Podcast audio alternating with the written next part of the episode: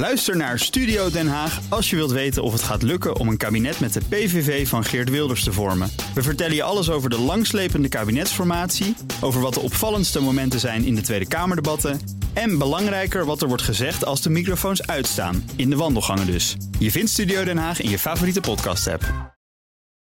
Werkverkenners wordt mede mogelijk gemaakt door NCOI, de opleider van Werken Nederland. BNR Nieuwsradio. Werkverkenners. Rens de Jong. In deze BNR Werkverkenners kijken we in hoeverre kunstmatige intelligentie zijn intrede heeft gedaan in het beoordelingsgesprek of coaching of begeleiding van medewerkers. En we kijken of het bevalt. Dat hoor je zo meteen. Verder pluizen we een vacature uit om jonge drop-outs aan het werk te krijgen. En we bellen de leermeester van podcastmaker Bastiaan Meijer. Je hoort het allemaal zo meteen, maar nu eerst het BNR Werkverkenners nieuws. Werkverkenners. Met Nelleke van der Heijden. Dag Nelleke. Dag Rens. Vandaag een hoofdrol voor vakbonden en maaltijdbezorgers. Ja, laten we beginnen met Just Eat Takeaway. Fietscouriers van dat uh, bedrijf in Israël die klaagden dat ze werden geïntimideerd toen ze zich wilden aansluiten bij een vakbond. Nou, Just Eat is een internationale naam wat in Nederland bekend is als thuisbezorgd. Het hoofdkantoor zit ook in Nederland, dus FNV uh, rook zijn kans en uh, klopte aan bij, bij het hoofdkantoor en zei jullie moeten in actie komen. Nou, het Nederlands hoofdkantoor zei nou dat doen we niet, want het is een lokale kwestie, daar, daar bemoeien we ons niet mee. Ja. Nou, daarvan zegt de OESO nu, de Club van Rijke Landen, dat dat onterecht is. Oh, ze zijn dus op de vingers getikt. Waarom precies? Behoorlijk. Nou, uh, Just Eat Takeaway schendt hiermee een internationale richtlijn die het recht op vakbondsvertegenwoordiging garandeert. En dat doen ze dus omdat ze niks willen doen. Nou, in de ogen van de OESO hadden ze de kwestie moeten bespreken met de lokale belanghebbenden in Ja, ja, ze hadden echt wel even wat moeten doen als hoofdkantoor. Ja. en nu? Nou ja, eigenlijk niks. Oh. Want de maaltijdbezorger zegt... Uh, wij leggen die OESO-uitspraak uh, naast ons neer. Dat laten ze weten aan NRC. Zo. De, de honden blaffen en de karavaan trekt verder. Toch? Een beetje zoiets, ja. Uh, dan een andere maaltijdbezorger die inmiddels niet meer in Nederland zit. Ja, Deliveroo, dat is een Britse maaltijdbezorger. Die is vorig jaar uit Nederland vertrokken. Maar toen was FNV al een tijdje bezig met ze in een juridische strijd. En nou, daar heeft nu de hoogste Nederlandse rechter, de Hoge Raad... heeft daar vorige week uitspraak in gedaan. Ja, en, en waar gaat het precies om? De bekende discussie, Jazeker. zijn het zelfstandigen of werknemers? FNV zegt natuurlijk werknemers, de maaltijdbezorger zei ZZP'ers. Nou, de vakbond die krijgt nu gelijk. De Hoge Raad zegt het zijn werknemers. Maar het is voor Deliveroo niet zo spannend meer, Nee, want die zit hier niet meer. Dus dat maakt uh, voor hen niet zoveel uit. Maar het kan voor andere maaltijdbezorgers of platforms... kan het nog wel behoorlijke gevolgen hebben. Oké, okay, ben benieuwd. Uh, dan een andere sector waar behoorlijk uh, actie gevoerd wordt. Ja, in de zorg. Stevige actie, maar geen stevige media-aandacht... merkte een, uh, een verpleegkundige in opleiding op. Want alle aandacht in de media gaat op het moment naar de winst van de BBB... bij de provinciale verkiezingen en daarmee de Eerste Kamer... Nou, hij denkt, de zorg moet dan de acties ook maar over een andere boeg gaan gooien, geïnspireerd door de agrariërs. Dus hij pleit nu voor een eigen politieke partij, ZZZ in plaats van BBB. En hij wil een echte Nurses Defense Force oprichten. Ja. En hij heeft ook al wat acties bedacht. Oh, zoals? Nou, hij wil bijvoorbeeld uh, dat ze naar het huis trekken van minister Connie Helder... en daar van volle katheterzakken gaan laten leeglopen... Ze willen naar het huis van minister Ernst Kuipers en dat bekogelen met uh, bevuild incontinentiemateriaal. En natuurlijk ook de A12 blokkeren, maar dan nu met ziekenhuisbedden en desnoods met patiënten erin. Zo, dit, dit uh, we zeggen het al een beetje lachend, terwijl het echt hartstikke serieus is. Maar is het serieus of is het een grapje? Nou ja, hij heeft het heel humorvol opgeschreven, maar je hoort natuurlijk ook wel echt de wanhoop erin door van waarom krijgen wij met de zorg ja. niks voor elkaar? Hoe moeten we dat nou aanpakken? En ja, dit is gewoon zijn uh, wanhoopskreet, denk ik. Even een paar agrariërs inhuren voor uh, goed advies, hè? Ja. ja. Dan uh, een grote netwerkactie met statushouders op LinkedIn. Ja, bijna drie weken lang hebben allerlei topmensen met grote netwerken op LinkedIn hun profiel gedeeld met een statushouder. Om zo aandacht te vragen voor de 80.000 statushouders in Nederland die op zoek zijn naar een baan. Mm -hmm. Nou, eind vorige week was de campagne afgelopen. Maar tot dan zag je dan de hele tijd duo's op die, uh, op die profielen staan. Dus als je bijvoorbeeld naar het profiel ging van Barbara Duinker, de CIO van NN Group. Dan zag je niet uh, Barbara Duinker, maar Barbara Duinker en Basel Taher. En dan stonden ze ook samen op de profielfoto. Oh ja. Nou, ik ben eigenlijk wel benieuwd wat dat heeft opgeleverd. Nou, daar ben ik eigenlijk ook wel benieuwd naar. Laten we eens even Barbara gaan bellen. Barbara, ben je daar? Ja, Ik ben er. Uh, wat hebben jullie precies gedaan de afgelopen drie weken? Wij hebben met uh, nog 24 andere professionals en ik hebben ons uh, netwerk op LinkedIn gedeeld met 25 statushouders. Om zo te zorgen dat ons grote netwerk eigenlijk eventjes drie weken lang het netwerk van die 25 statushouders zou zijn. Ja, en jij zat met Bassel Taher, zat jij op de profielfoto. Wie is hij? Bassel is een, een jongeman uit Syrië. Daar een carrière gehad als bankier. En nu op zoek naar een, een mooie baan voor een humanitaire organisatie. Wil graag een rol spelen in de maatschappij voor een organisatie die zich daarvoor inzet. Ja. En, en, heeft het wat opgeleverd? Ja, nou heel veel contacten, uh, heel veel gesprekjes, netwerkgesprekjes. Helaas nog geen baan, geen concrete kansen, maar. Uh, wat niet is, kan natuurlijk nog komen. Dus uh, dat zou wel de kers op de taart zijn uh, van deze uh, campagne. Barbara, wat heeft het verder nog allemaal opgeleverd? Ontzettend veel awareness online. We hebben anderhalf miljoen views op de hashtag Refugee Linkup gekregen. We hebben 15.000 likes, een paar duizend reposts. En als je nou kijkt wat heeft het concreet opgeleverd... heeft één van de statushouders had binnen vier dagen een baan. Dus dat is echt super mooi. En tien anderen die meegedaan hebben van de andere koppels... die zijn, uh, zitten midden in trajecten, sollicitatietrajecten... die echt wel uh, positief lijken uit te pakken. En voor de mensen voor wie dat nog niet gelukt is... Uh, heeft Refugee Talent Hub de organisatie achter de Refugee Link Up actie met de partner Benchmark uh, gaat die, gaat die verder acties ondernemen om, om hen verder te helpen. Ja, precies. En waarom, waarom heb jij meegedaan? Nou, we hebben vanuit uh, Nationale Nederlanden al een jaar of drie samenwerking met Refugee Talent Hub. En die organisatie heeft tot doel eigenlijk om grote corporates in contact te brengen met statushouders, omdat wij eigenlijk van twee kanten uit elkaar heel moeilijk blijken te kunnen vinden. En uh, dus wij verzorgen vanuit Nationale Nederlanden mentorprogramma's om eigenlijk onze mensen te koppelen aan statushouders en hen te helpen met goh, hoe werkt die Nederlandse arbeidsmarkt nou eigenlijk? Hoe bouw je een cv? hoe kom je binnen? En, en dat heeft al tot mooie resultaten geleid. een van die mensen is nu medewerker bij Nationale Nederlanden. Mm -hmm. En dat is een hele mooie samenwerking. Ja, ik, ik, want het, het klinkt hartstikke sympathiek. En nou, hij heeft er heel wat gesprekjes gehad. Ik dacht bij mezelf, ja, hij is bankier. Jullie schijnen ook iets met financiën te doen. Waarom heb je hem niet gewoon zelf een baan aangeboden? Omdat hij nu wel echt iets anders wil. En ook uh, tot de ontdekking is gekomen dat hij eigenlijk echt een rol wil met maatschappelijk belang. Tuurlijk hebben we dat ook vanuit de financiële sector, maar dat is niet waar hij nu op zoek naar is. Dus daar um, tuurlijk aan gedacht, maar uh, is nu niet aan de orde. Nu niet aan de orde. En houden jullie nog een beetje contact? Ja, we hebben ontzettend veel lol gehad online en um, uh, elkaar op uh, billboards gespot in Rotterdam en Leidsendam. En uh, zijn zeker voornemens om, uh, om nog even een echte kop koffie met elkaar te gaan drinken. Hartstikke goed. Dankjewel, Barbara. Graag gedaan. Rens de Jong. Ja, en dan de themavraag voor deze uitzending. Wat kan kunstmatige intelligentie nou betekenen voor HRM? Nou, eerst eens even kijken wat er allemaal te halen valt. Eén gast kwam een tool tegen die hem hielp om iedereen individueel zo goed mogelijk aan te sturen. Vertel Helene wat ze moet doen. En vertel Doreen waarom ze moet doen wat ze moet doen. En ook om te kijken wie waar het beste tot zijn recht komt kan een algoritme helpen. Er wordt AI ook gebruikt om mensen te helpen met een wat grotere afstand tot de arbeidsmarkt. Om hun vaardigheden of hun competenties in kaart te brengen. Maar niet alles wat kan, moet ook meteen. Niet dat wij zeggen, oh, weet je, nou als voorbeeld ChatGPT. Super populair, we moeten er iets mee. En dat komt ook omdat er nog heel vaak niet helemaal duidelijk is waar een algoritme nou precies op gebaseerd is. En er is een groot verschil tussen hoe computerwetenschappers tegen de ontwikkeling van zo'n algoritme aankijken en hoe psychologen er tegenaan kijken. En er zit ook nog wel eens wat ruimte tussen wat de leiding nuttig acht en hoe dat in de praktijk uitpakt. Als ik dan met HR-afdelingen zelf praat, dan zeggen ze ja, die tool is aan onze directie verkocht, maar die hebben we inmiddels wel uitgezet, want hij werkte voor geen meter. Daarom is het zaak om heel duidelijk te zijn over je keuzes op dit gebied. Duidelijke afspraken, dit gaan we absoluut niet doen. Deze dingen staan we wel voor open voor Ja. en dit moeten we onderzoeken, dit weten we nog niet. Werkverkenners. Ja, de uitzending eerder keken we naar slimme technologie in de werving en selectie. En nu is het de vraag hoe ver de kunstmatige intelligentie is doorgedrongen tot HR.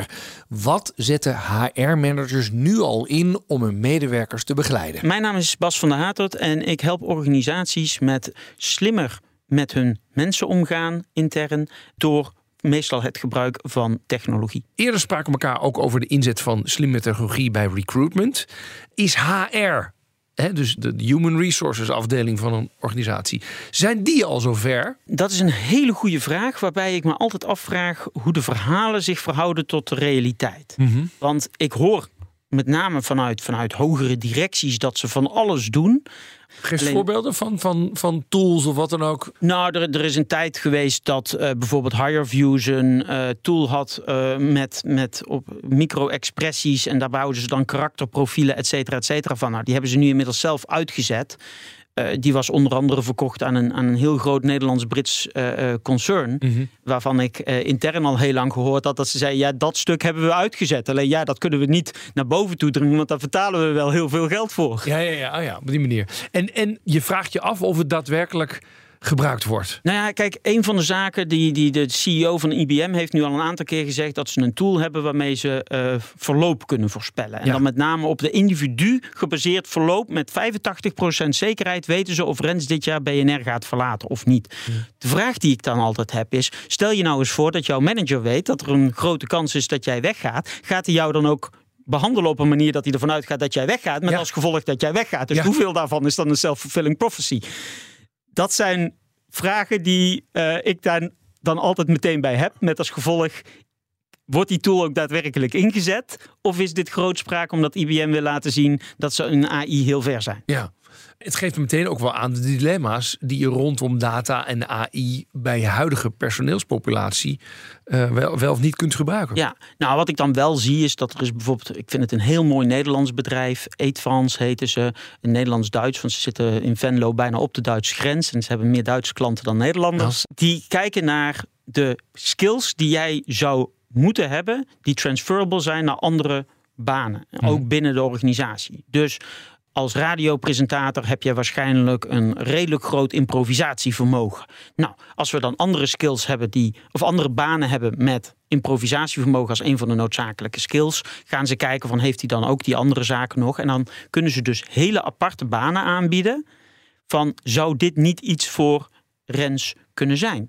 Nou, daar zie je dus hele mooie AI-dingen intern. Dat ze dus gaan kijken van wat kan je nog meer. Hetzelfde geldt voor, ik weet dat eh, Schneider Electric, groot internationaal concern. Ja. Die hebben dus een interne gig-platform. Waarbij jij dus één dag in de week, waar dan ook ter wereld, een klus mag uitvoeren voor een andere afdeling.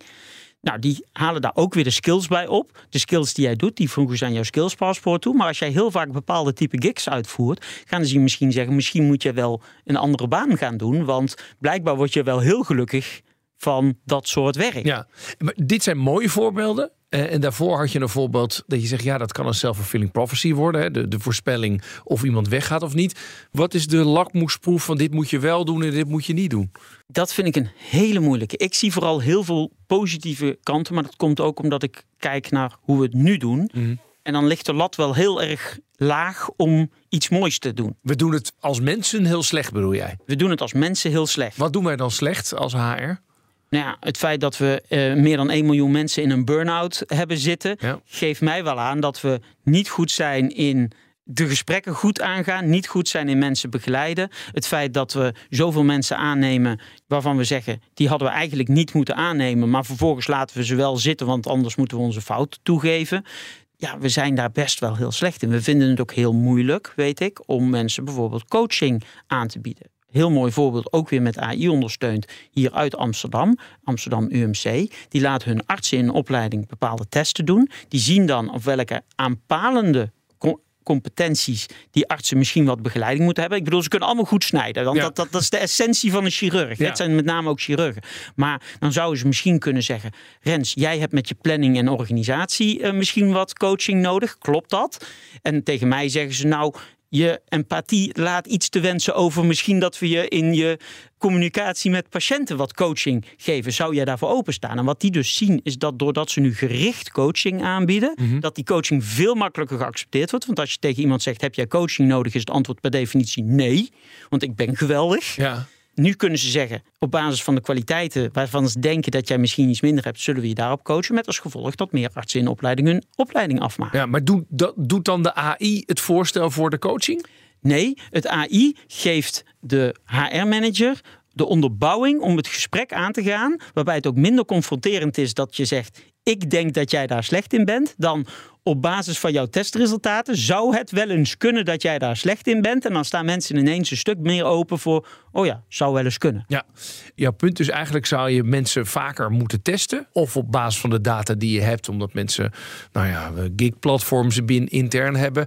En op basis daarvan zou je carrièreadvies kunnen geven of opleidingsadvies kunnen geven. Bijvoorbeeld, maar ook feedbackadvies. Een hele mooie tool die ik ben tegengekomen. Die gaf dus de, dat was een feedback tool, waarbij je dus als manager je medewerkers feedback geeft, maar als medewerkers de kwaliteit van de feedback rankt. Namelijk, ik kan hier iets mee of ik kan hier niks mee eigenlijk. Vervolgens analyseerde die tool naar het type feedback dat jij gegeven hebt. Is dat heel eh, directief, zo van je had meer moeten zeggen in deze vergadering? Of is dat wat meer eh, indirect, namelijk, goh, zag je hoe Rens zich eh, op dat moment gedroeg in die vergadering? Dat, eh, zou je dat voortaan ook iets meer kunnen doen. Mhm. Er zijn verschillende stijlen die bij verschillende karaktertypes passen, waarbij je dus eh, die manager kan begeleiden met feedback geven die beter binnenkomt bij zijn medewerker. En ook bij de Rabobank wordt actief gekeken hoe HR met kunstmatige intelligentie gedoe voor medewerkers kan wegnemen. Ik ben Mark Jansen. Ik ben eh, verantwoordelijk voor eh, data analytics, eh, strategie en innovatie voor de HR-keten binnen de Rabobank. Oké, Mark Jansen klinkt heel Nederlands, maar er is een. Ja, een dikke Amstelveense accent. Schattig, hè? Nee. Ik, ben, eh, ik ben geboren in Nederland, maar ik heb eh, heel lang in het buitenland eh, gewoond, in Amerika specifiek. Daar ben ik ook afgestudeerd. Ik ben inmiddels nu twaalf jaar terug met mijn vrouw. Dus eh, de accent is wat minder geworden, maar eh, ik snap dat de vraag er is. Erger nog, mijn vader heet Jan Jansen, dus Hollandse kan het niet. Goed. Alright. Jij bent een beetje de Mr. AI bij de HR-afdeling van de Rabobank, toch? De- de- laten we zeggen, we, we, kijken, we kijken naar AI, eh, wat ik zelf heel eerlijk zeg vind. dus misschien zegt dat ook waarom ik zeg, ik ben niet Mr. AI. Mijn, te- mijn team is er bezig mee. We kijken ernaar. We maken er wel beslissingen. Doen we er iets mee, ja of niet? Maar voor de duidelijkheid, voor ons is AI een middel. Het is niet het doel op zich. Nee, Mhm. we kijken wel van, hey, we hebben een lijst van uitdagingen waar wij denken dat technologie een rol in kan spelen. Zou ChatGPT een mogelijke oplossing kunnen zijn? Ja. of nee? Ja. En, en dat gaat alleen op het HR-domein of kijk jij breed? Nou, het, mo- het mooie is, wij focussen ons echt op ons HR-domein. Maar ik denk dat eh, de begrip van HR-domein wat anders is binnen Rabobank dan misschien bij andere bedrijven. Wat wij eh, hebben gezegd is, ehm, wij willen echt kijken naar hoe maken we nou, Rabo echt een plek waar je lekker je werk kan doen, gezellige collega's kan hebben, waar je echt een onderdeel van een organisatie voelt. En we hebben gezegd, er zijn zoveel elementen, zoveel touchpoints in die keten. We willen graag de hele keten samenbrengen om daar aan de slag te gaan. Dus Mhm. als ik het over HR heb, we hebben IT-collega's dat er bij ons zitten. We hebben mensen van facilities dat bij ons zitten. We hebben de traditionele HR-mensen, dus de recruiters, de business partners daar allemaal zitten. Maar dit is echt een enorme keten en we komen allemaal samen. Want uiteindelijk zeggen we, ja, die medewerkerreizen, daar willen we echt gas op geven, dat verbeteren. Dus eh, mensen verbazen zich een beetje dat HR bezig is maar AI. Maar je ziet dat dat veel meer wordt zeg maar, gestimuleerd en ondersteund vanuit de, de IT-kant van onze collega's dat in de keten zitten, dan de traditionele hoek van HR. Waar zitten al goede toepassingen? Waar, waar word je al blij van? Het zijn heel eerlijk gezegd, het zijn de kleine dingen. Dus eh, ik zeg altijd tegen mijn team, jongens, ik, ik ben blij, wij zijn succesvol als wij gedoe bij medewerkers weghouden. Nou, dus een hele praktische voorbeeld dat ik vind waar je echt machine learning hebt toegepast en dat medewerkers baten bij hebben en ze realiseren misschien niet dat het AI is, is heel simpel. Eh, we hebben een online platform voor het ontwikkelen van medewerkers. Dat eh, is samenwerking met een ander bedrijf. En aan de ene kant, je hebt de catalogus van 10.000 leerelementen. Nou, je wil, wat, je wil mensen wat handvaten geven. Aan de ene kant vragen we de eerste keer dat je inlogt. Welke skills heb je interesse in ontwikkelen? Mhm. En tegelijkertijd weten we natuurlijk van, hey, mensen zoals jij, een beetje alle Netflix, hebben deze uh, learning elementen ook gebruikt. Ja. Dus het is een combinatie van persoonlijk interesse, maar tegelijkertijd ook een beetje wat zegt de crowd. Nou, die combinatie komt dan samen om te zeggen, we denken dat deze dingen wel interessant voor jou zijn heel uh, doelgericht op je eigen werk dat je vandaag de dag doet. Mhm. Tegelijkertijd, we prikkelen je ook een beetje van... hey, misschien vind je dit ook wel interessant Ja, ja. om je te verbreden. Nou, hele praktische ding. Iedereen zegt, ja, maar Mark, dat is niet AI. Ja, het is op een, een machine learning model gebouwd... Dat is AI, maar het leuke is, weet je, niemand zit eh, druk te maken over het recommendation system van Netflix. Ja, dat is niet AI. Ja, zeker wel. Ja. Maar het bestaat al zo lang dat niemand meer, weet je, eng doet erover van, oeh, het is eng AI. Nee, iedereen heeft er gewoon eh, baten bij. En eh, misschien zie je ook wel leuke series nog, eh, of leer je iets totaal anders. En ook vanuit de wetenschap wordt er met belangstelling naar de mogelijkheden gekeken. Maar natuurlijk ook met een kritische blik. Mijn naam is Janneke Oostrom en ik ben hoogleraar arbeidsorganisatiepsychologie en het hoofd van het sociale psychologie departement bij Tilburg University. Ja, in werving en selectie zie je al wel wat gebeuren als het gaat om AI. Als we een fase verder komen, als de werkrelatie tot stand is gekomen, gebruiken we daar dan ook nogal veel AI? Ja, ook wel steeds meer. En uh, een van de toepassingen is in, uh, voor trainingsdoeleinden. Als je nieuwe vaardigheden wilt leren, is het heel belangrijk dat je dat doet in een context die lijkt op het werk. Dus we kunnen AI gebruiken om die context te simuleren. Denk aan virtual reality of bepaalde simulaties die daarvoor worden ingezet.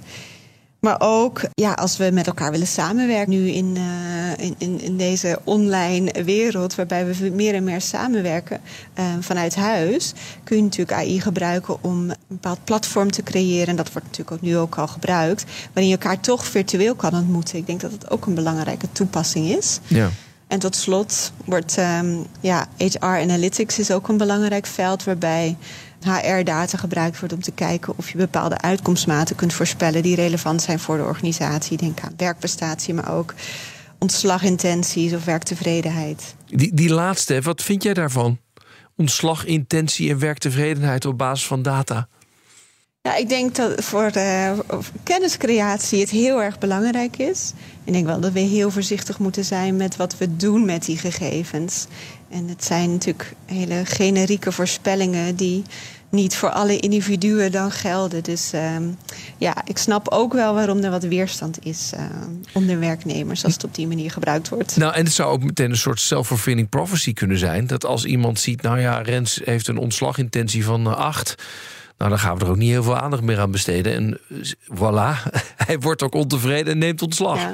Goed punt. Ik denk dat dat ook een van de risico's is. Dus je, ook, ook daarbij moet je dus van tevoren ook goed nadenken wat je met die informatie doet. En of dat wel uh, bevorderlijk is voor de organisatie om het op die manier te gebruiken. Dus ik denk dat we er voorzichtig mee om moeten gaan en um, goed beseffen wat de gevolgen kunnen zijn. Ja. Ja. Zie je ook mogelijkheden voor functioneringsgesprekken of coaching? Ik denk het wel. En, en, vergelijkbaar eigenlijk met hoe het voor selectie wordt ingezet. Als je AI gebruikt om, om eigenschappen of competenties in kaart te brengen, dat is natuurlijk ook heel belangrijk voor functioneringsgesprekken. Um, dus ik, ik, ik, denk dat daar zeker wel, uh, wel mogelijkheden zijn, ja. ja. Hoe ver zijn we in de praktijk wat jou betreft? Dat vind ik een lastige vraag. Want ik kom wel heel veel toepassingen tegen. Um, terwijl er nog relatief weinig onderzoek naar gedaan is vanuit de HR-kant of de psychologiekant. Dus de, ik denk dat de praktijk verder is dan, uh, dan de wetenschap. Maar dat vind ik dus ook zorgelijk. Wat dat betekent dat we allerlei dingen inzetten waarvan we eigenlijk nog niet zo goed weten wat de gevolgen zijn. Of nog niet zo goed weten of we ze op, op een optimale manier ontwikkeld hebben. Mhm. Mm -hmm.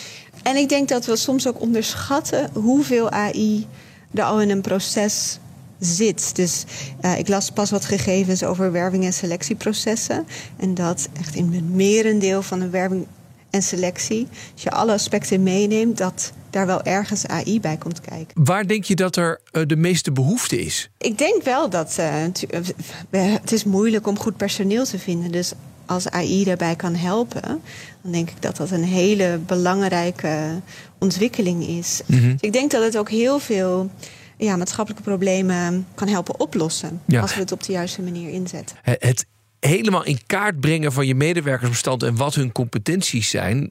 Vaak is dat een beetje lastig omdat het gewoon hartstikke veel werk is. Maar met AI en testjes, et cetera, zou je wel meer kunnen doen. Of zeg je als organisatiepsycholoog, nou ja, eh, er zijn testen en er zijn testen. Oh, dat is zeker zo. Er, zijn, uh, er is een heel groot verschil in kwaliteit als het gaat om testen of uh, in bredere zin de instrumenten die we gebruiken om vaardigheden in kaart te brengen. Dat is inderdaad, kijk, dit wordt heel erg gedreven door mensen die software ontwikkelen. En die zeggen, kijk, er kan van alles. En het is gebaseerd op de wetenschap.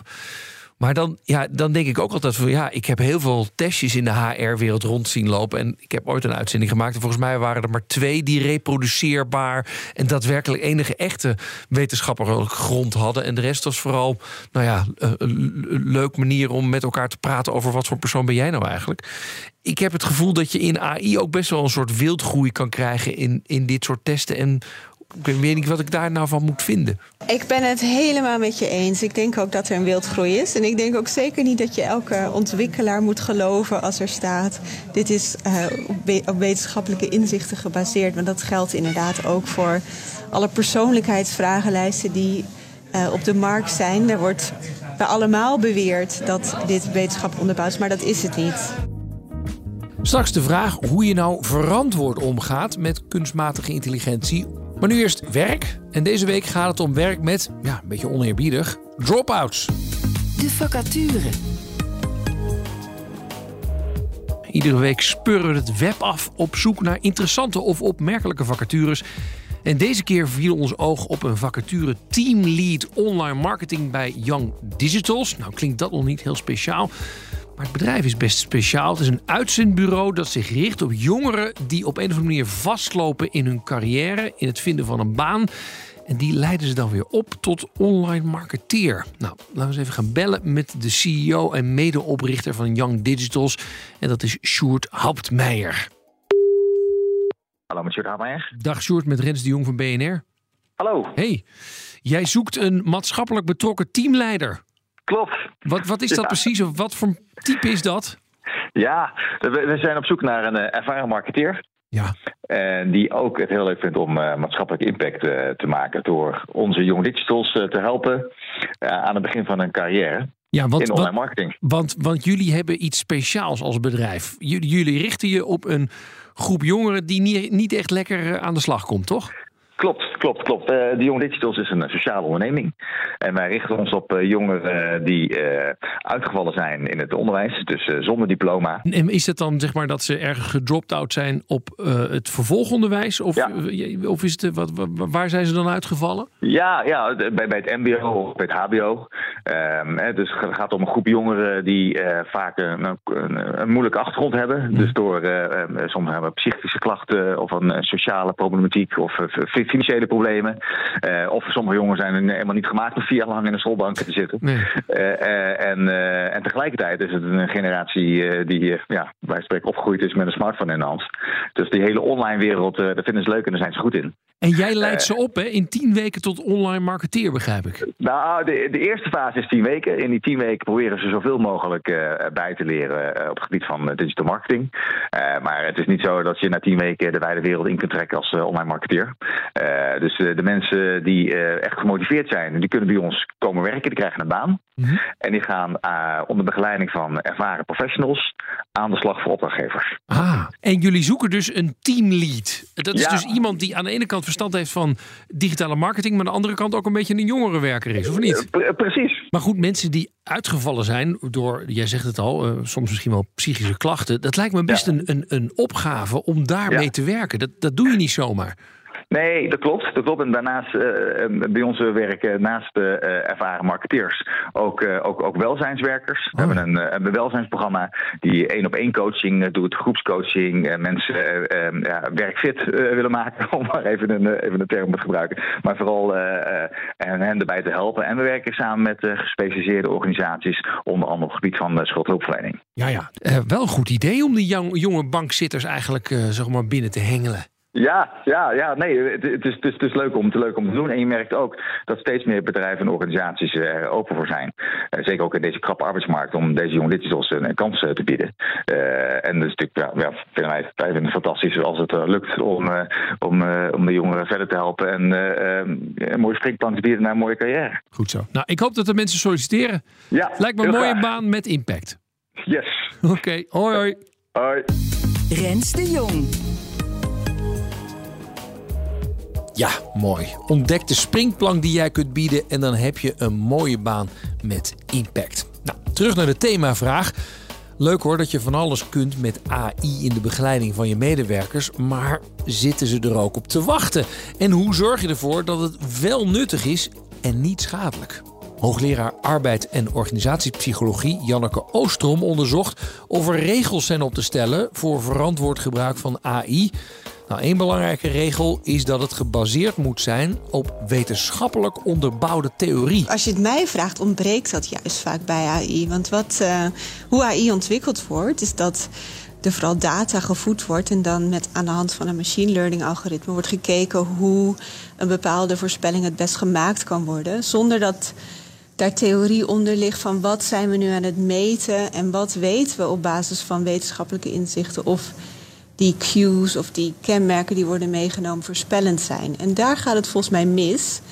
En de psychologen hebben al honderd jaar inzichten opgedaan in hoe je nu menselijk gedrag voorspellen. En dat bedoel ik met dat die theorie vaak ontbreekt. Ja, ja. Maar want computerwetenschappers die komen vaak een soort van correlaties tegen. Hè? Die zeggen, nou, als dat gebeurt, dan gebeurt dat ook. Eh, eh, en daar zou je dan voorspellende waarden aan kunnen ontlenen. Ja, dat is inderdaad hoe zij het aanpakken.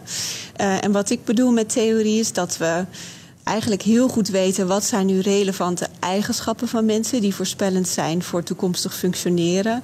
En hoe kun je die eigenschappen het beste meten. En mijn advies is om daar dichtbij te blijven. Dus een voorbeeld is dat we weten dat persoonlijkheidseigenschappen heel belangrijk zijn als het gaat om hoe mensen presteren op het werk. Dus dan zouden we eigenlijk um, met onze AI ook terug kunnen gaan naar die persoonlijkheidskenmerken. En, um, en, en via het meten van die persoonlijkheidskenmerken een voorspelling kunnen doen voor werkprestatie. Ja. En wat, wat mag er dan niet wat jou betreft? Zomaar allerlei dingen die gemeten zijn voeden aan een algoritme. Uh, zonder enig inzicht in waarom dan die aspecten relevant zijn voor werkgedrag of relevant zijn voor die eigenschappen van mensen waarvan we weten dat ze voorspellend zijn voor werkgedrag. Om een voorbeeld te geven, stel je voedt aan een AI alle data op een cv. Nou weten we dat dat in het verleden wel eens fout is gegaan, want dan uh, neemt het algoritme ook postcode bijvoorbeeld mee. Want dat staat ook op elk cv. Maar er is geen theorie die zou zeggen dat postcode ook maar enigszins relevant is voor toekomstige werkprestatie. Of dat het ook maar iets zegt over relevante eigenschappen van mensen. En ook bleek, um, toen mensen gingen graven van waarom wordt postcode nu meegenomen, dat bleek een indicatie te zijn van ras in plaats van een relevante eigenschap. Dus dat is ook een manier waarop je dus door die theorie los te laten, dus een heel groot risico loopt dat je de verkeerde eigenschappen of de, de verkeerde kenmerken van mensen in zo'n algoritme opneemt. Hm. Andere eis is, en die hoor ik wel vaker, ook door uh, volgens mij Europese wetgeving, het AI moet uitlegbaar zijn. Kun je daar iets meer over zeggen? Ja, en zeker in uh, selectiesituaties, maar ook stel je gebruikt AI voor ontwikkeldoeleinden van werknemers, dan moet je kunnen uitleggen waarom iemand een bepaald advies krijgt of waarom iemand wordt afgewezen of juist wordt aangenomen. En dat kan natuurlijk niet als we een AI hebben of een algoritme hebben waarvan we eigenlijk niet goed begrijpen van welke, welke eigenschappen worden nu gemeten, worden meegenomen in dit algoritme. Mm -hmm. En dat, uh, maakt, ja, dat maakt dat je natuurlijk als kandidaat gewoon geen idee hebt waarom ja, jouw carrièrekansen belemmerd worden. Ja. Om een voorbeeld te geven. En dat voelt uh, ja, als zeer oneerlijk voor de meeste kandidaten. Maar goed, dat, is toch ook een beetje het, het, hele idee achter uh, AI en machine learning. Daar zijn zoveel, ja, ik ben geen wetenschapper, maar datapunten bij elkaar gebracht dat je, ja, het is, ik denk dat het voor mensen onmogelijk om te zien waarom dit ding nou precies tot deze uitkomst komt. Net zoals dat je, als je zo'n plaatje vraagt aan zo'n mid-journey-apparaat, ja, weet je ook niet precies waarom die nou exact met dit komt. Maar daar komt hij nou eenmaal mee. Dus is dat niet juist uh, tegenstrijdig tegen alles wat zo'n algoritme zou kunnen zijn? Ja, ik denk dat het ook afhangt natuurlijk van de toepassing. En in dit geval, als we het hebben over HR en, en beslissingen over werknemers of kandidaten, dan hebben we het wel over belangrijke beslissingen. En dan moet je gewoon weten wat je aan het doen bent. En ik ben het helemaal met je eens dat het bij veel AI niet mogelijk is, maar we kunnen er wel naartoe werken dat we iets meer inzicht hebben in wat wordt er, wordt er nu gemeten? En in hoeverre dragen die bij aan de uiteindelijke voorspelling? En ik denk dat we daar een paar stappen in moeten maken voordat we het kunnen inzetten voor eh, selectiedoeleinden. Dus bij belangrijke beslissingen. Zijn er wat jou betreft in HR-land voldoende wins te halen om uiteindelijk ook te zeggen, nou ja, weet je, je moet er wel naar gaan kijken? Ja, ik zie veel potentie in AI, omdat het wel de mogelijkheid geeft om uh, op een objectieve manier mensen te beoordelen. En um, we weten uit jarenlang onderzoek dat op het moment dat we algoritmes gebruiken om voorspellingen te doen, dat die algoritmes dat beter doen dan als mensen diezelfde voorspellingen doen. Dus op basis van intuïtie. En een algoritme zorgt er dus voor dat we iedereen op dezelfde manier beoordelen. Dus in theorie zie ik heel veel potentie in AI. In de praktijk ben ik nog huiverig, omdat het niet altijd op de juiste manier dus ontwikkeld wordt. Of met die theoretische basis of met datasets die voldoende representatief zijn. Dus er is nog heel veel winst te behalen als het gaat om de huidige ontwikkeling. Maar ik denk wel dat het, het HR-veld vooruit kan helpen. De Rabobank maakt bij iedere tool de afweging wel of niet inzetten. Mark Jansen van de HR-keten vertelt hoe dat gaat. Het begint altijd met wet en regelgeving. En we weten allemaal dat de nieuwe AI-law vanuit de EU uh, eraan zit te komen onze eigen zeg maar, ethische toets. En wij hebben hele duidelijke uh, privacy policy naar onze medewerkers toe. En mijn team heeft een eigen ethics charter. Dat hele duidelijke kwadraten maakt van dat zullen we nooit doen. En wat, wat zou je nooit doen? Als voorbeeld, we, we zullen nooit een model inzetten of analyse te doen met te maken. Uh, ben jij gelovig of niet? Oké, omdat het eigenlijk niet met het werk te maken heeft. Ja, precies. Doet er, niet, doet er niet toe. En uh, ik kan niet zeggen, want ons vertrekpunt altijd, of het nou AI is, of het nou onderzoek is, et cetera onze vertrekpunt uh, altijd is. De medewerker moet er baat bij hebben en moet hun helpen om hun werk beter, gezelliger, et cetera, te kunnen maken. Oké, maar de medewerker moet er baat bij hebben. Ja. En als de werkgever er baat bij heeft, omdat iemand beter geselecteerd wordt? Nou, nee, want uh, selectie is, is gewoon voor ons als voorbeeld een no-go. Oké, waarom? Want ik heb niet, ik, mijn team, en uh, ik denk ook uh, de samenleving hebben niet genoeg vertrouwen in om te zeggen van het is één reproducible. Mm -hmm. Weet je wel, het is een black box. Uh, en we zien. Reproducible van... is.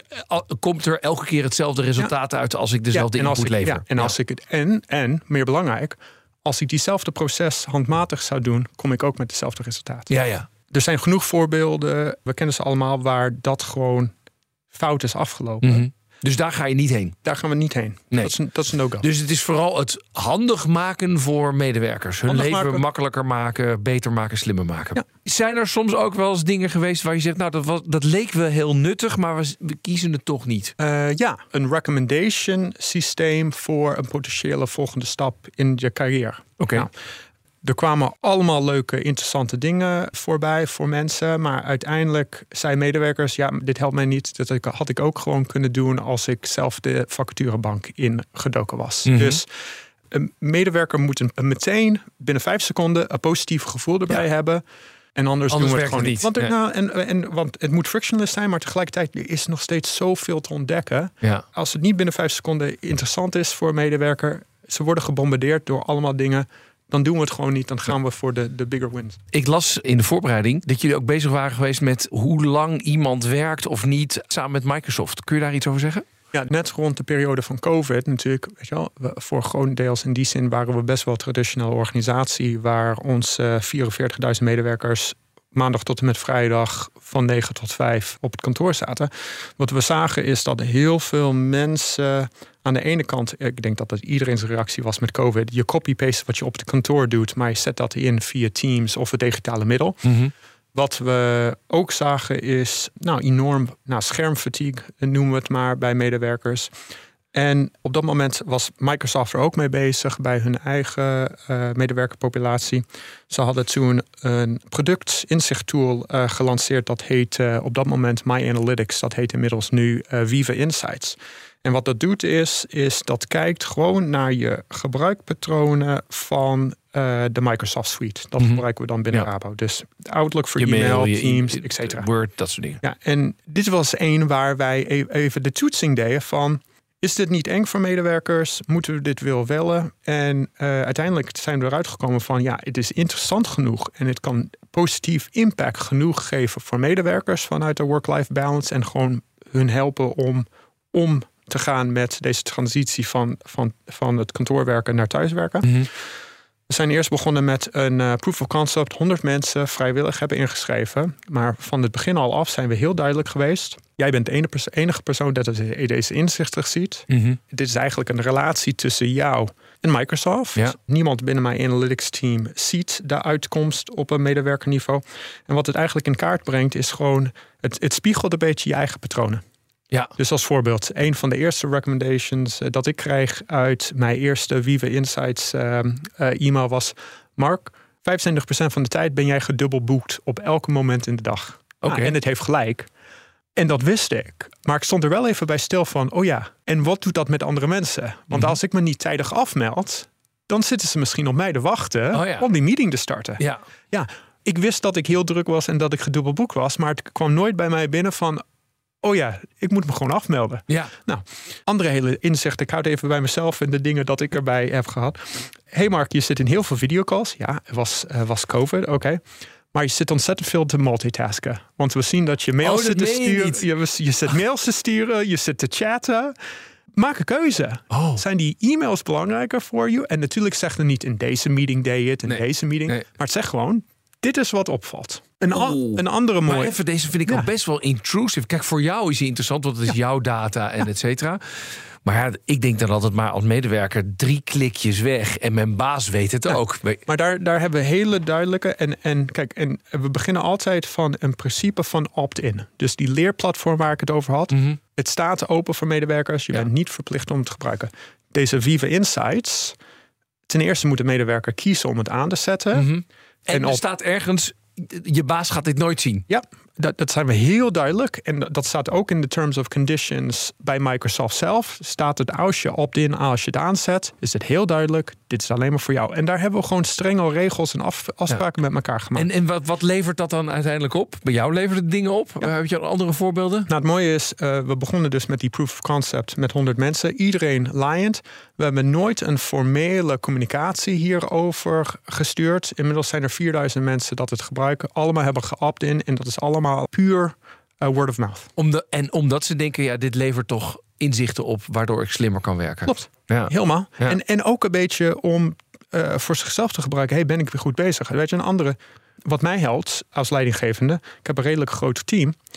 Ik krijg nu ook als voorbeeld eind van de week... Hey, weet je wel dat je niet contact hebt gehad met deze vijf mensen in je team? Moet ik een, moet ik een één op één voor je inplannen volgende week? Zulke soort dingen. Wauw. Nou, dat vind ik als manager hartstikke, hartstikke waardevol. Een andere ding, ook vanuit de coaching mindset. hey Mark, jij gaat heel vaak met deze drie mensen naar meetings met externen. Moeten jullie alle drie erbij zijn? Of kan je niet wat tijd vrijspellen voor jezelf of voor je teamleden om te zeggen: we hoeven niet elke keer met alle drie daar naartoe? Nou, nogmaals, het grappige is, het zijn natuurlijk, jij en ik kijken naar van ja, duh, no-brainer. Maar we zijn als mensen gewoon niet goed in patronen en helemaal patronen over tijd Mhm. voor onszelf te zien. Dus Ja. dit brengt gewoon, en nogmaals, is het AI? Ja, het is geen chat GPT AI. Ik noem het eerder eh, augmented insights.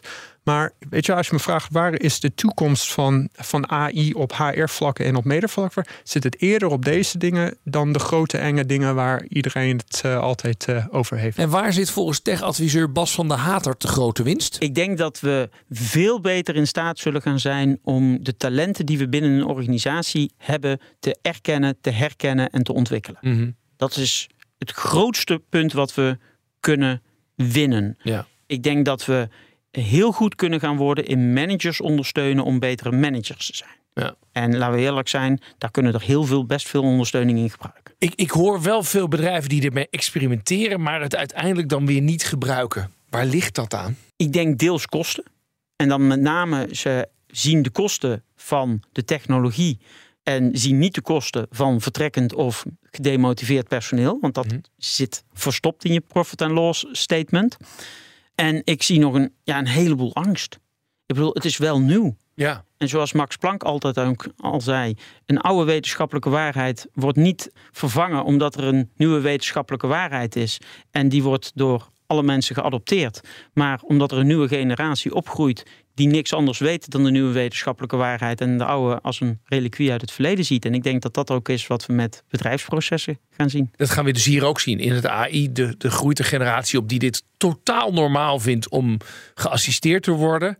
Ja, dan wordt het ook heel normaal. Ik zie nu vooral binnen start-ups zie ik het helemaal geaccepteerd, want daar zit het er van begin af aan in. Kijk, tijdens de recruitment wordt er een bak aan data verzameld. Gebruiken we die data later ook, of niet? Als iemand is aangenomen? Nee, dat is echt het allergrootste fout die wij maken. We halen heel veel data binnen, zeker als we allerlei selectietesten doen.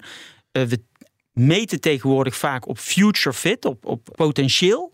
En vervolgens bijna allemaal negeren we die data zo gauw ze binnen zijn en bouwen we er misschien dat we jouw eerstejaars ontwikkelplan erop bouwen en daarna laten we hem gaan. Waarom is dat? Omdat recruitment en HR elkaar meestal niet zo goed liggen omdat dat systemen zijn die ook niet per definitie aan elkaar gekoppeld zijn. En HR komt niet in het recruitment systeem. En we hebben nooit het geld geïnvesteerd om de data te exporteren. En omdat HR de minst data- en technologie gedreven afdeling binnen een organisatie. Oh ja? Waar, waar, waar zie je dat aan? HR vindt data het tegenovergestelde van menselijkheid. Ja. Ik vind data het begin van menselijkheid. Omdat wij zelf heel slecht zijn om in te schatten wie jij eigenlijk bent en wat jouw kwaliteiten zijn. Maar daar overschatten wij ons gigantisch in. Mm -hmm. Grap is ook, hoe beter mensen vinden dat ze daarin zijn, hoe slechter ze er over het algemeen in zijn, blijkt uit wetenschappelijk onderzoek. Dus op het moment dat het om data gaat, vinden ze dat vaak het omgekeerde van menselijkheid. En wij zijn een afdeling voor menselijkheid. Ja, ja, hoe kun je die bias tegenover uh, zo'n koude machine, wat HR mensen dat dan toch vinden, kunstmatige intelligentie, hoe kunnen we dat omdraaien? Ik denk dat dat een kwestie van tijd gaat worden en vooral succesverhalen die heel erg breed uitgemeten worden. Nou, conclusie van deze themavraag. Wat kunnen we dus met AI op het HR-vlak? Nou, eigenlijk best veel. Als je bedenkt dat het ook in de kleine dingen zit, die het werk net even makkelijker maken. Daar heb je al wel meteen een belangrijk punt te pakken voor de vraag of je het ook moet inzetten. Want zo hoor ik, het advies luidt: doe het alleen als het ook echt gedoe wegneemt voor mensen. Want ja, je kunt mensen inzicht geven in welke opleidingen of andere functies zouden kunnen passen. Je kunt leren hoe je feedback kunt geven. Dat echt past bij een individu. Maar als iemand het net zo snel kan uitzoeken zonder die technologie, nou, laat het dan lekker zitten. En bedenk ook, waar is het algoritme op gebaseerd en kun je het uitleggen? Nou, is het nuttig, wetenschappelijk onderbouwd en uit te leggen? Dan ga er dan vooral voor, want dan kan technologie het HRM-vak zeker naar een hoger plan trekken. De leermeester. Laatste onderdeel van deze uitzending, de leermeester. Ja, je weet het hè, ondertussen. Wie zorgde er bij jou voor een kantelpunt in je carrière? Wie maakte dat je een andere afslag koos? Waar heb je echt van iemand geleerd? Deze week bellen we de leermeester van podcastmaker Bastiaan Meijer. Dag Bastiaan. Hi, goedemiddag. Hey, wie was of is jouw leermeester? Dat is Bart-Jan Kuhne, mijn uh, voormalig uh, stagebegeleider en inmiddels hele goede vriend. Oh, stagebegeleider waar? Bij uh, Talpa Nieuws was dat toen. Hij was de hoofdredacteur van Talpa Nieuws en ik kwam daar binnen als stagiair. En, en in twee zinnen, wat heeft hij jou geleerd? Uh, ik denk uh, uh, nou ja, veel journalistieke lessen, maar ook een van de lessen die mij altijd bij is gebleven is dat hij zei van ja, weet je, als je, ehm, wat ik vaak deed als ik iets maakte, dan was ik altijd ja, toch ook wel een beetje bang voor de reacties. En hij zei eigenlijk is het heel gek met jou als jij uh, iets maakt, dan je zet je ramen open, je zegt hier ben ik. En als iemand wat terug zegt, dan trek je je weer naar binnen. En ja. toen dacht ik, ja, zo is dat eigenlijk ook wel weer. Oh, dus uh, ja. die lessen die krijg ik ook nog wel van hem. Goed zo. Nou, de, laten we eens even kijken of hij uh, dit zo'n voorval nog kan herinneren. We gaan eens even bellen met, met Bart-Jan. Komt-ie. Met Bart-Jan. Dag Bart-Jan, met Rens de Jong van BNR. Hoi, goedemiddag. Hey, hallo, ik bel je voor de rubriek De Leermeester. Ik heb iemand aan de lijn die zegt, ja, Bart-Jan is echt mijn leermeester.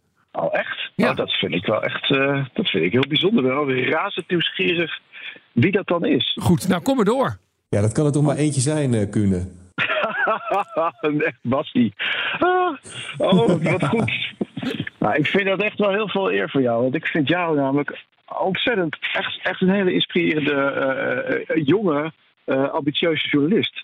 Dus nee, wat leuk. Ja. Dankjewel. Ja. Ik wil razend nieuwsgierig wat je dan van me geleerd hebt. Precies. Uh, het concrete moment weet ik niet meer, maar de les weet ik nog wel. Uh, dat was uh, dat ik nou ja, veel dingen aan het maken was en altijd wel bang was voor de reactie die erop kwam. Van ja, wat als mensen het niet leuk gaan vinden. En dat jij mij wel hebt geleerd van ja, je moet eigenlijk niet naar binnen trekken op het moment dat er reacties komen, maar het gewoon omarmen, want daar maak je het voor. Oh ja. En, en weet je nog dat Bastiaan dan altijd zijn kop terugtrok als er reacties kwamen? Ja, Zeker, hij dook nog net niet onder het bureau. Nee, nee hij, Bastiaan is heel kritisch. En uh, een, kritische maker ook. Dus zoals ik hem ken, en, en, en ik spreek hem eigenlijk best vaak ook over zijn, zijn, zijn podcastwerk. En, en, en, destijds toen hij uh, stage liep bij, uh, bij, bij Talpa, waar ik hoofdredacteur was voor, voor het radionieuws. Um, hij was altijd bezig met, ja, het, het moet eigenlijk nog beter dan wat ik nu doe. En um, soms schrok hij dan dat als, als, hij iets goed had gedaan of, of, of er, er, gebeurde iets, dat het dan, oh ja, er een reactie kwam. En ik ja, dat moet je juist nou gewoon gebruiken. Ja, ja. En dan word je dus aangewezen als leermeester, terwijl er volgens mij tussen jullie ook echt een vriendschap is ontstaan. Nee, ik, vind het, ik, vind het, ik, ik ben er helemaal stil van. Ik vind het, nou trouwens niet stil van, maar ik ben er wel van onder de indruk. Ja, ja. Het is toch nog gelukt, Sebastian. Bij, uh... nou ja, en Bartjan heeft ook mijn diploma uitgereikt op de, op, uh, op de middelbare school, op de school van journalistiek. Oh ja. Ja, ja dus uh, zo, zo verweven is hij in mijn leven. Ja, ja. Is, is er, Bartjan, want in een vriendschap leer je ook van elkaar. Is er ook iets wat jij weer leert van Bastiaan?